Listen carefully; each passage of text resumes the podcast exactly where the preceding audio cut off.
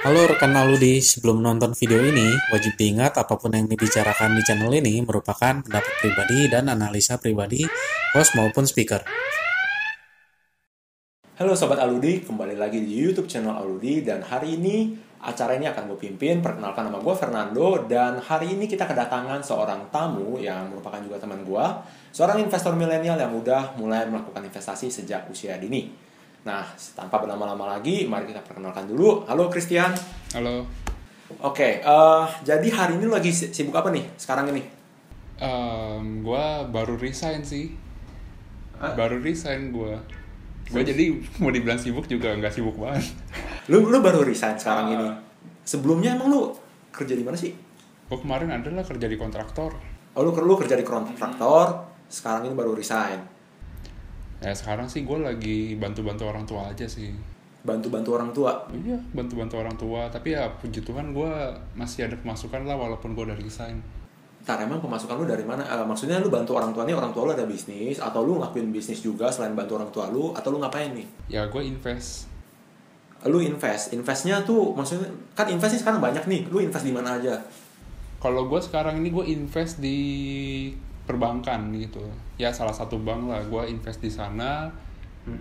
ya lumayan lah hasilnya masih bisa nutup buat sebulan lah Berarti lu sekarang ini lu investasi di dunia saham Ya kan? Oke, tapi kalau gue boleh nanya nih, kenapa dari semua sektor kan kita tahu nih saham tuh sebenarnya ada banyak ya, terutama ya sobat Aludi ya.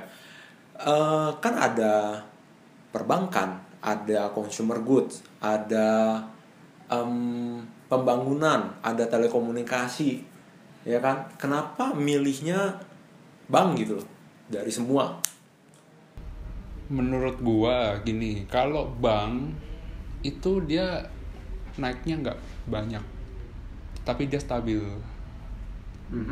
kalau misalkan lu kayak misalkan restoran terus otomotif lu kayak ada masanya gitu loh kadang lu naiknya kalau lagi naik tinggi tapi kalau lagi turun jatuhnya juga rendah banget gitu makanya kalau gua udah resign ya gua nggak mau yang neko-neko lah gue mendingan gue yang bank walaupun dikit tapi masih bisa nutup dan lumayan stabil lah gitu Oh oke berarti lu lebih prefer untuk eh, beli saham yang mungkin kalau kata orang tuh blue chip kali ya. Ah, iya blue chip ah. Tapi nggak tahu ya ini pemikiran gue ya. Eh, banyak orang yang ketika mereka udah resign, justru kan pemasukan itu paling penting, ya kan? Nah banyak kan dari mereka justru mainnya itu di saham-saham yang red chip, yang bisa dibilang tuh agak beresiko tapi untungnya tinggi. Kenapa lu nggak kayak gitu? Kenapa lu malah nyari yang resikonya rendah, untungnya dikit lagi? Hmm, soalnya pertama pertama gue udah resign. Oke? duit itu cash flow tuh harus gue perhatiin banget supaya lu nggak sampai minus. Duit harus diperhatiin biar sampai oke, oke, masih bisa. kedua Mm-mm. gue invest ya walaupun dari muda tapi gue masih belajar lah gitu. Makanya kalau red chip itu resikonya tinggi dan gue tuh masih belajar sehingga gue maunya blue chip aja. Supaya gue belajar tapi nggak rugi. Setelah ntar gue pinteran mungkin gue akan mulai coba red chip biar Berarti lebih lu- gede untungnya Berarti lu nggak tergiur gitu dengan keuntungan yang menurut gua cukup menjanjikan loh. Bisa jadi kayak ya kalau misalnya emang lu berani untuk main, bisa-bisa gaji lu sebulan nutup kayaknya.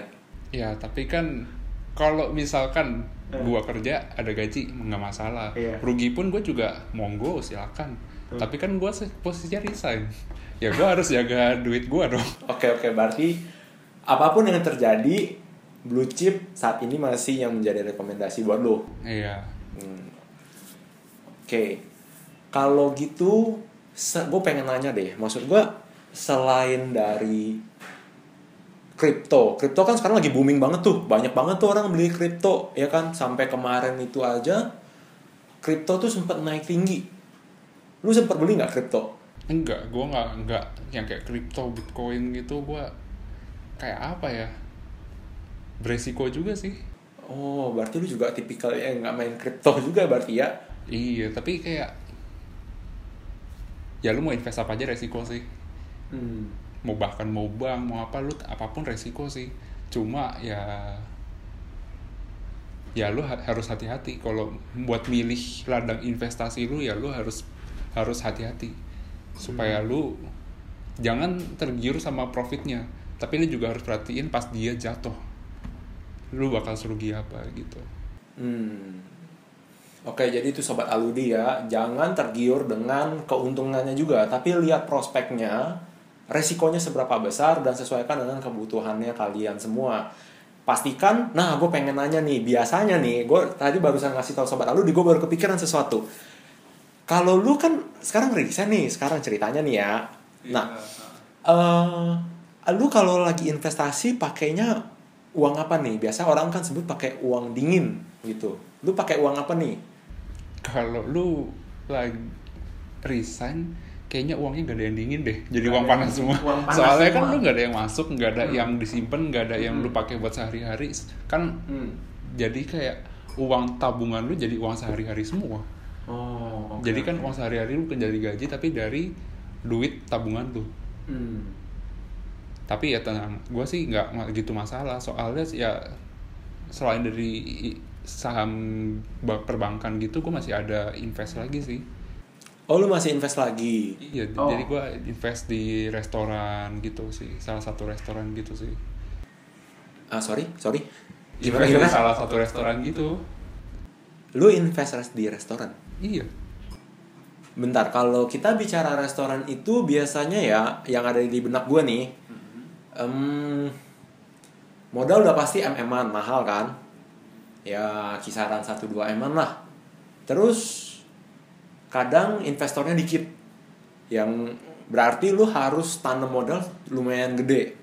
Nah, let's say aja kalau misalkan restoran tuh 1 M, terus cuma empat orang yang ikutan, iya berarti lu keluarin 250 juta. Itu kan nggak make sense buat lu yang lagi resign sekarang gitu. nah kemarin Hah. gua tuh nemuin nih. Jadi kayak ada platformnya salah gua invest di salah satu platform ECF lah.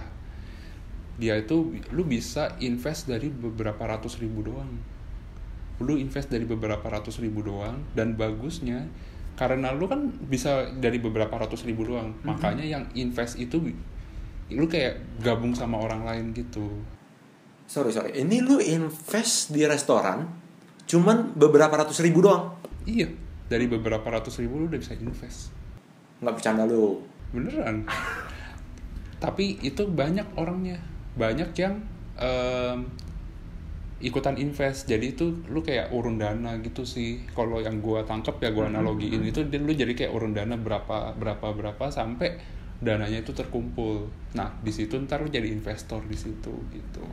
Hmm, itu lu lihat dari mana itu bisa? Maksudnya bisa gitu kepikiran karena kan kita cuma tahu nih kalau kita bicara investasi cuma ada satu kripto, dua saham ya paling tiga deposito bank lah yang lu taruh dana masih bisa dapat duit gitu di situ. Lu kok kepikiran gitu kayak oke gue mau invest di restoran gitu out of nowhere tiba-tiba muncul ide itu atau gimana? gue sering lihat-lihat sih di YouTube lah di inilah orang invest kok kayak gampang banget ya gue cobalah cari-cari terus gue lihat tuh kayak ada platform namanya Bshare itu Oh, Bshare. Iya, iya gue tahu. Kalau Bshare itu udah di udah jadi anggotanya Aludi. Makanya gue bingung kayak, ini anak restoran dari mana gitu loh. Oke, oke. Berarti lu investasi itu lewat websitenya si Bshare itu. iya gue lihat di Bshare ada macem-macem ya gue pilih lah tuh restoran Hmm, oke oke. Eh, buat sobat Aludi ya yang mungkin masih belum begitu mengenal dan pengen belajar ya itu mungkin bisa cek di YouTube channel kita yang sebelum-sebelumnya. Di situ kita menjelaskan identitas kita sebagai Aludi itu siapa sih. Jadi buat kalian yang sudah menjadi anggota member ataupun belum itu bisa mengecek di YouTube channelnya kita. Dan eh, balik lagi ya, balik lagi kita balik ke, ke pembahasan soal investasi di restoran. Um, gue kalau jadi lu ya, gue sebagai orang yang udah resign, satu, gue udah gak ada pemasukan. Kedua, ini riskan coy, ya kan? Maksudnya investasi di restoran itu apa yang membuat lu yakin bahwa investasi di restoran itu aman? gue juga ya lu tau lah gue aja main saham aja blue chip nih gue keka mau invest di restoran ya gue pasti udah lihat lah. Hmm. dia tuh gimana sih? Seaman apa sih? Atau seenggak aman apa sih? Gue pasti udah lihat. Pertama Hmm. yang terdaftar di situ UMK ya katakanlah restoran UMKM-nya ya. Mm-mm. lu minimal udah jalan satu tahun atau dua tahun. Oh. buat mastiin usaha lu itu nggak main-main. Usaha lu itu bener-bener serius gitu loh Hmm, hmm, hmm, hmm. kan nggak lucu ntar lu orang ada udah invest lu misalkan nih baru katakan lu, lu baru umur sebulan terus lu udah ngajuin oh gua gua mau dong apa dibantu buat didanain gitu Hmm. misalkan gitu Hmm. investor udah invest dana udah kekumpul terus lu hilang kan nggak lucu kan kayak gitu Iya itu sama aja kayak gue buang duit ke laut tapi gue udah nggak tahu ke mana itu. iya lu kayak sedekah aja gitu Iya. terus pertama itu Hmm.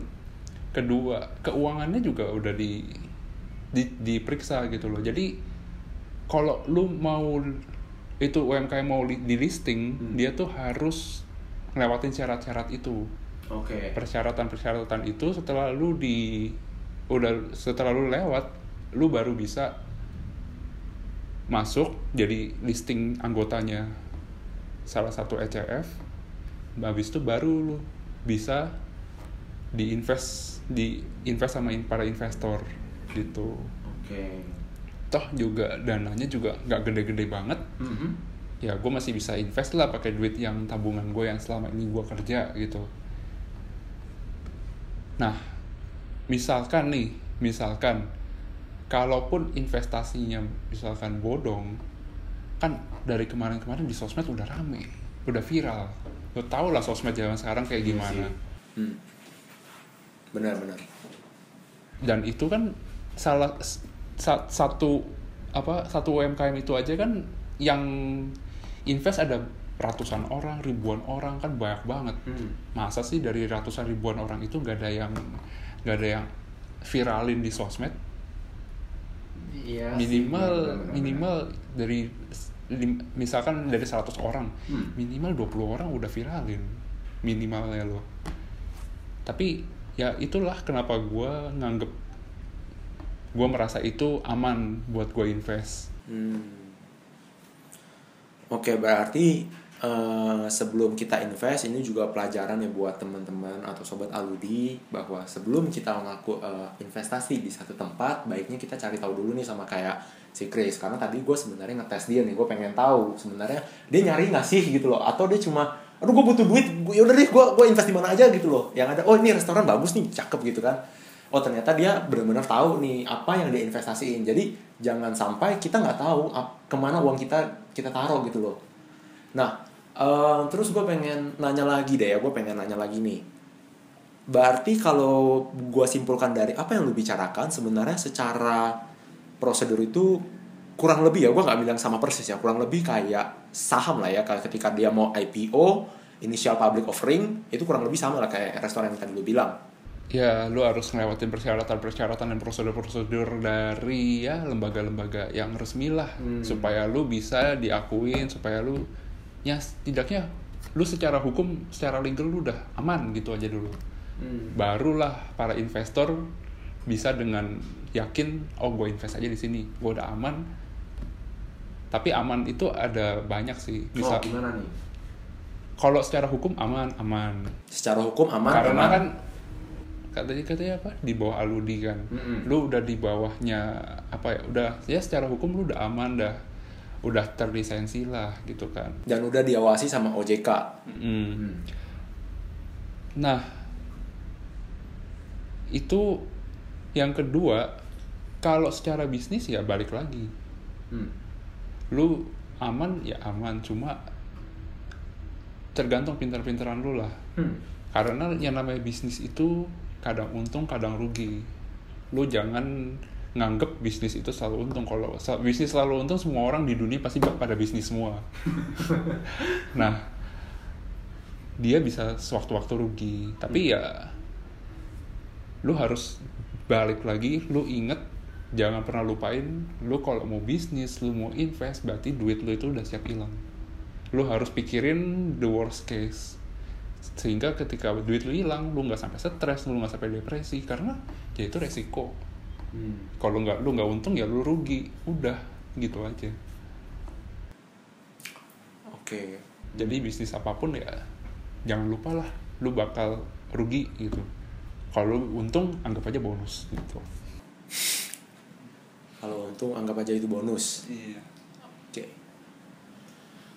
Oke kalau kita bicara eh, investasi ya di B-share ya kan sebenarnya ada banyak juga tuh. Sama kayak kita bicara soal di saham kan ada kayak perbankan ya kan? Kayak tadi ada FMCG ada komunikasi. Sebenarnya kan di B-share juga banyak gitu loh. Kenapa lu dari semua itu lu pilih restoran gitu? Ya gue suka jajan sih. Suka jajan suka makan nah, dan- tapi kan ketika lu menghasilkan duit dari apa yang lu suka kan rasanya lebih puas gitu loh oke puasnya double gitu makanya gue pilihnya restoran Hmm. gitu Oke, kalau kita bicara investasi pasti nggak jauh-jauh dari namanya untung, ya kan? Nah, Iya. kalau saham lu hari ini lu invest, besok lu bisa lu ambil. Kalau untung, kalau rugi ya lain cerita ya teman sobat ya. Nah, kalau misalkan di B-share, Em, itu tergantung dari kebutuhan lu lagi. Lu bisa ngam, bisa nga- ngambil untungnya dari sebulan lah tiga bulan enam bulan atau berapa lama itu tergantung dari situasi ekonomi lu lagi. Kalau misalkan lu butuh nih buat hidup bulanan lu ya udah lu pak lu pilih bisnis yang em, cut off-nya itu tiap bulan gitu. Kalau lu nggak butuh-butuh amat kayak misalkan ya lu pakai lah tiga bulan sekali lu bisa tarik enam bulan sekali lu tarik gitu. Tapi lu kalau narik profit ini pesan dari gua ya kalau lu narik profit jangan sampai nyentuh saldo awal lu. Kalau lu narik dari apa udah nyentuh saldo awal lu udah itu lu bukan invest namanya. Itu cuma lu titip duit abis itu lu ambil lagi. Itu modal lah ya, maksudnya saldo awal tuh modal lah ya maksudnya. Kalau gua nih Hmm. kalau gua masih kerja itu profit Mhm. masuk ke sono Mhm. gue puterin lagi gue gabung sama saldo gue puterin lagi nggak gue sentuh sama sekali tapi Oh, kalau kayak sekarang gue resign ya udah profit profit gue ambil secukupnya Mhm. asal nggak nyampe nyentuh saldo udah supaya bisa muter lagi muter lagi muter lagi gitu Oke. itulah apa eh, kenapa kalau lu invest lu harus tahan ego tahan tahan keinginan lu jangan lihat untung dikit, wih gila, cakep nih, boleh gue ambil gitu ya. Ya katanya harus ditahan, eh jangan jangan. Pikir masa depan ini bisa bisa diam, bisa diputar lagi gitu loh. kok bisa diputar diputar lah Iya. biar lu untung gitu ya gitulah jadi kalau misalkan lu resign pun tetap bisa dapet lu bisa tetap invest kok gitu cuma ya kuncinya itu lu harus hati-hati dan sabar nah itu sih Hmm. Nah kalau kita sorry nih, gue sorry banget ya, kan lu posisinya lagi resign nih, ya kan. Tapi satu sisi lu eh, harus tetap invest. Nah untuk proporsi uang itu apakah lu samakan pada saat lu bekerja dengan saat lu resign apakah sama gitu atau berbeda jumlah nominalnya? beda sih Beda. kalau pas misalkan pas lagi kerja lu nanam nih setiap bulan 2 juta 2 juta 2 juta Hmm. Nah, tapi pas lu resign ya asal ya kalau lu ada duit lu masukin aja buat invest dan biar nggak kepake sama lu. Hmm. Karena kalau lu kepake ya udah apa ya? Ya kan situasi duit keuangan lu lagi susah kan lagi resign. Ya kalau gua gua bakal masukin sekecil apa pun gua masukin sih. Biar Sekecil apa pun Ah, harus masukin. Oke. gitu. Biar apa?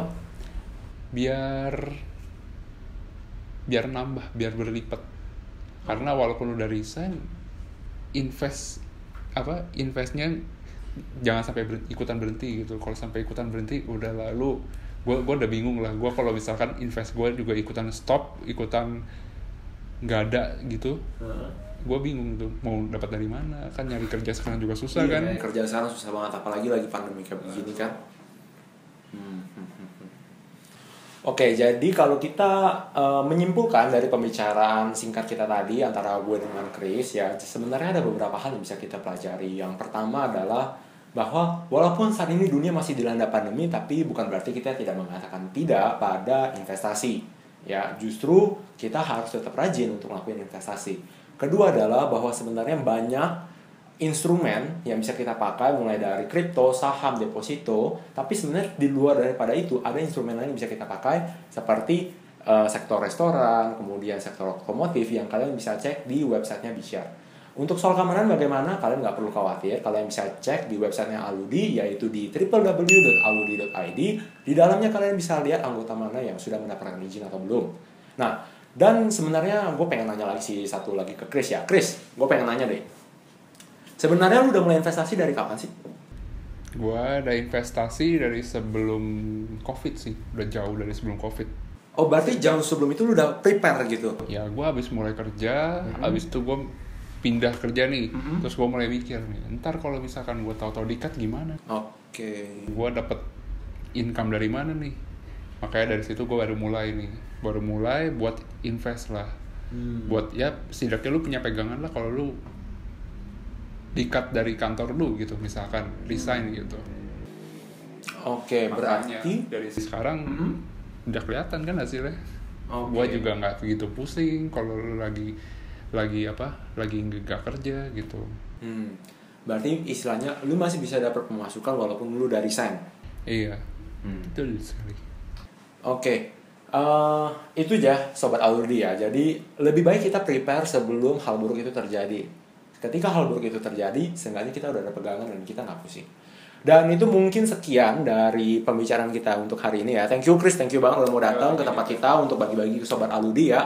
Dan em, untuk sobat Aludi, ini pesan terakhir dari kita adalah jadilah investor yang pintar ya.